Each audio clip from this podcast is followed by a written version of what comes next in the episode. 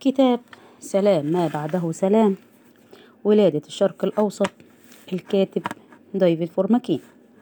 سنرى في التأملات التي دونها ليو إمري في مفكرته في نهاية عام 1917 قدرا من التقدم الذي أحرزته بريطانيا نحو تحقيق أهدافها في الحرب خلال السنة التي انقضت منذ أن حل لويد جورج محل أسكويث. فقد استعرض إمري الماضي وقوم الإنجازات التي تمكن من تحقيقها خلال تلك السنة.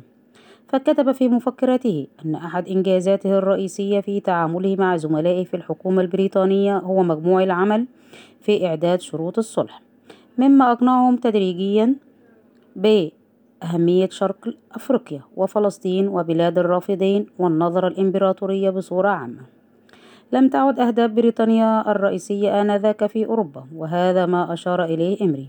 فالدمار الذي أحدثته الحرب في السنوات الثلاث الأولى من الحرب جعل إحراز نصر ذي معنى في أوروبا أمرا مستحيلا. ذلك أن التحالفات الأوروبية المتحاربة والمتنافسة قد دمرت. ولم يكن أمر أو لم يكن أمرا عمليا البحث عن منطقة في أوروبا لضمها أو الاستيلاء عليها. تعويضا عن خسارة بل إن تدمير ألمانيا لا يلبي احتياجات بريطانيا. لقد نبه سماتس في أحد خطاباته خلال الحرب إلى ضرورة أن تبقى ألمانيا قوة هامة من أجل الحفاظ على توازن القوى في أوروبا.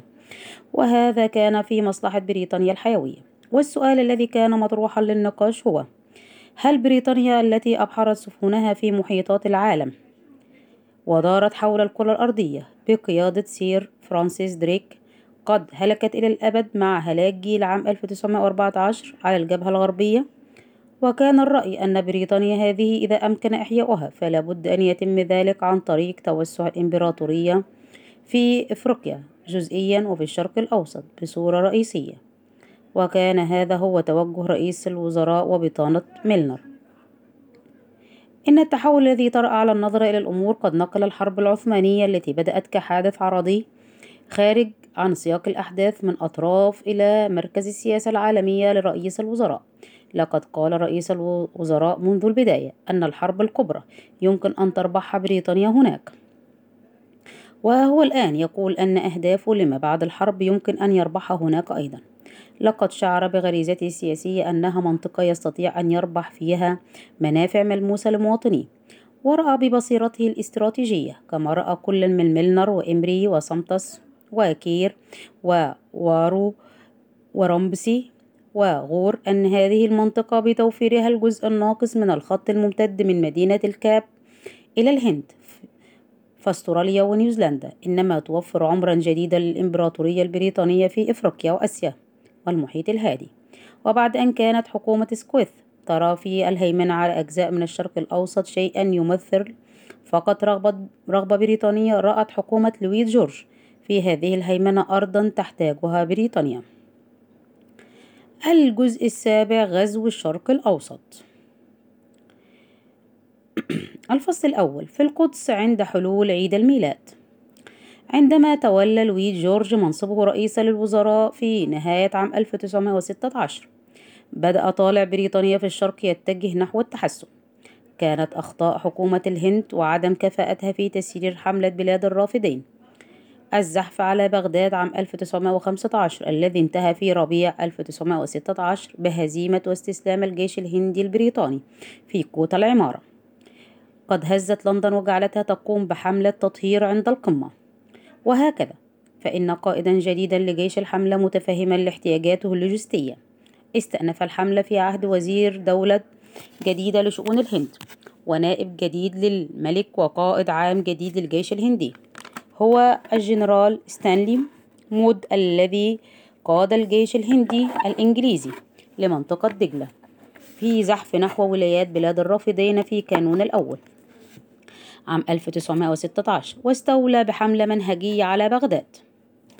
إن الاستيلاء على بغداد العاصمة العريقة التي استمدت قلقها من ارتباط اسمها بقصص ألف ليلة وليلة قد ألهب خيال رئيس الوزراء الجديد.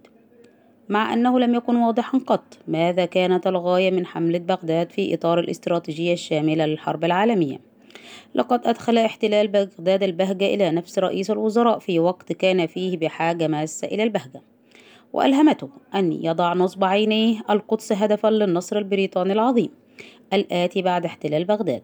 إن النجاحات التي حققها جيش دجلة قد طرحت السؤال عما يجب عمله بالولايات العثمانية التي احتلها هذا الجيش. وكانت حكومة الهند بالرغم من رغبتها في عدم إلزام نفسها تستهدف طوال الوقت أن تكون ولايتي البصرة وبغداد ضمن إطار نفوذها إذا ما سلخت عن الإمبراطورية العثمانية. أما سير مارك سايكس وأصدقائه في المكتب العربي فقد اعتبروا إدارة هاتين المنطقتين بأسلوب حكومة الهند الأبوية أمرا مرعبا.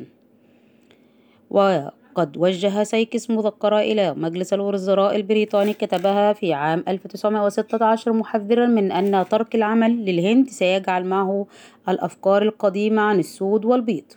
وليس بالإمكان أن يحكم العرب بنهج يحكم العرب بنهج السود والبيض. واحتفاء بالاستيلاء على بغداد أعد سير بيرسي كوكس كبير الضباط السياسيين في حملة الجنرال مسودة بيان موجهة إلى الشعب. اقتصر أساسا على الدعوة إلى التعاون مع الإدارة البريطانية الهندية المؤقتة ولكن لندن أمرته بعدم إصداره. صيغت بعد ذلك مسودات عديدة في لندن واختار مجلس الوزراء الحربي بعد المناقشة مسودة أعدها سير مارك سايكس كأساس للنص الذي أقر في النهاية. ودعا هذا الإعلان قادة العرب مع أنه لم يكن واضحا من هم هؤلاء القادة. إلى المشاركة في الحكومة بالتعاون مع السلطات البريطانية. وتحدث الإعلان على عادة سايكس بعبارات فضفاضة عن التحرير والحرية وعن أمجاد الماضي وعظمة المستقبل وأعرب عن الأمل في أن تتوصل الشعوب العربية إلى الوحدة شمالا وجنوبا وشرقا وغربا. وأشار وإن بعبارات غامضة إلى اتحاد كونفدرالي عربي شرق أوسطي بقيادة الملك حسين المسلم السني مع أن معظم سكان ولايتي البصرة وبغداد هم من الشيعة والخلافات بين السنة والشيعة عميقة وتعود إلى أكثر من ألف سنة. اعترض الجنرال مود على مسودة سايكس ورأى بصفته رجلا عسكريا أن الأمر الجوهري هو إقامة إدارة بريطانية لحفظ الأمن. ما دامت الحرب مستمرة.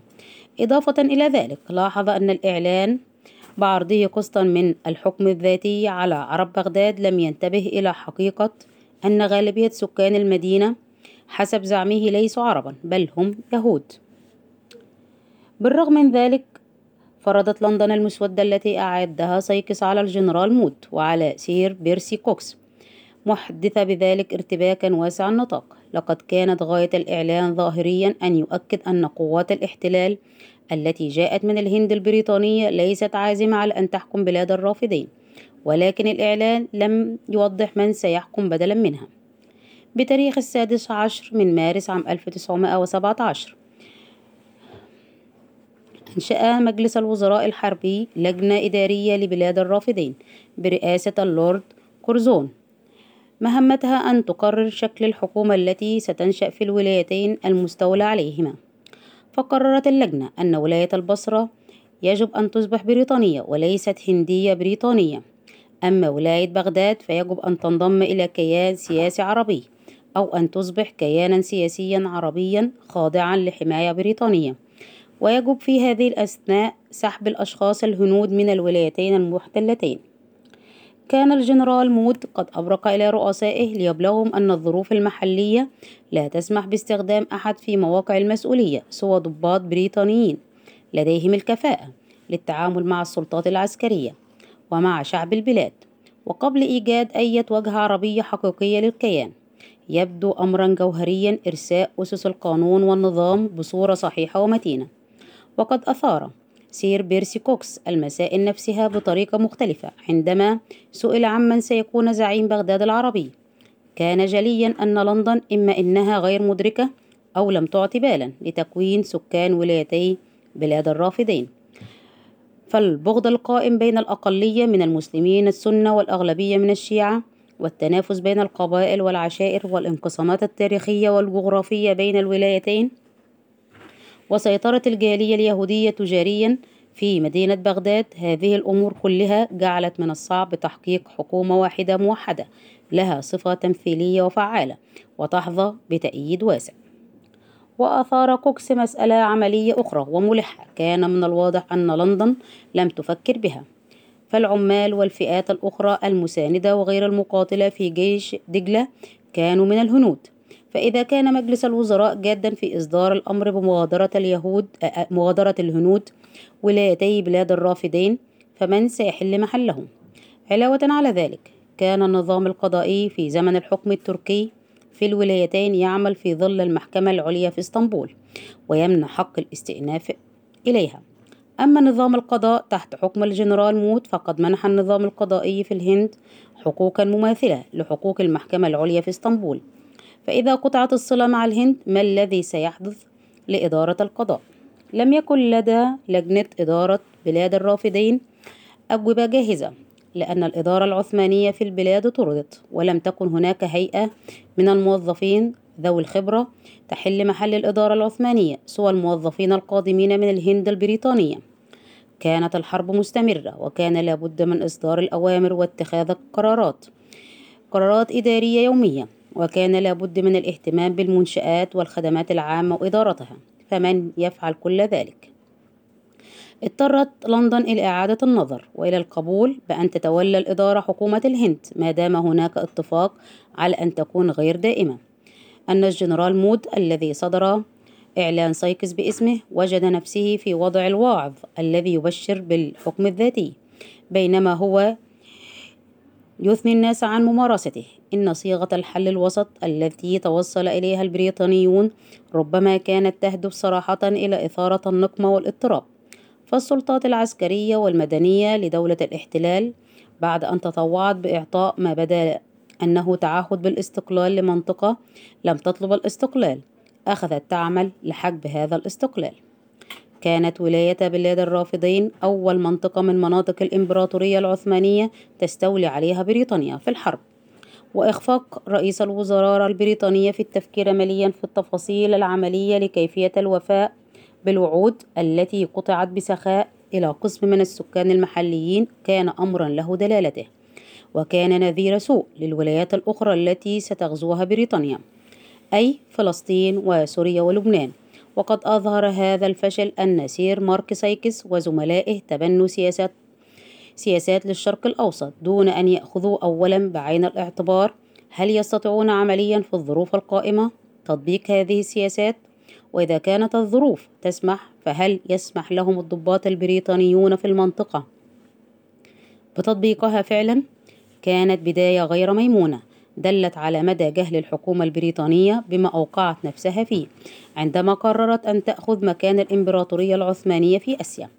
فإذا حدث كل ذلك الارتباك عندما احتلت الهند البريطانية بلاد الرافدين المجاورة لها فإن المنطقي أن نفترض حدوث ارتباك أكبر عندما تزحف مصر البريطانية على منطقة كفلسطين تتشابك فيها المصالح الدولية تشابكا كبيرا. انتهى التسجيل.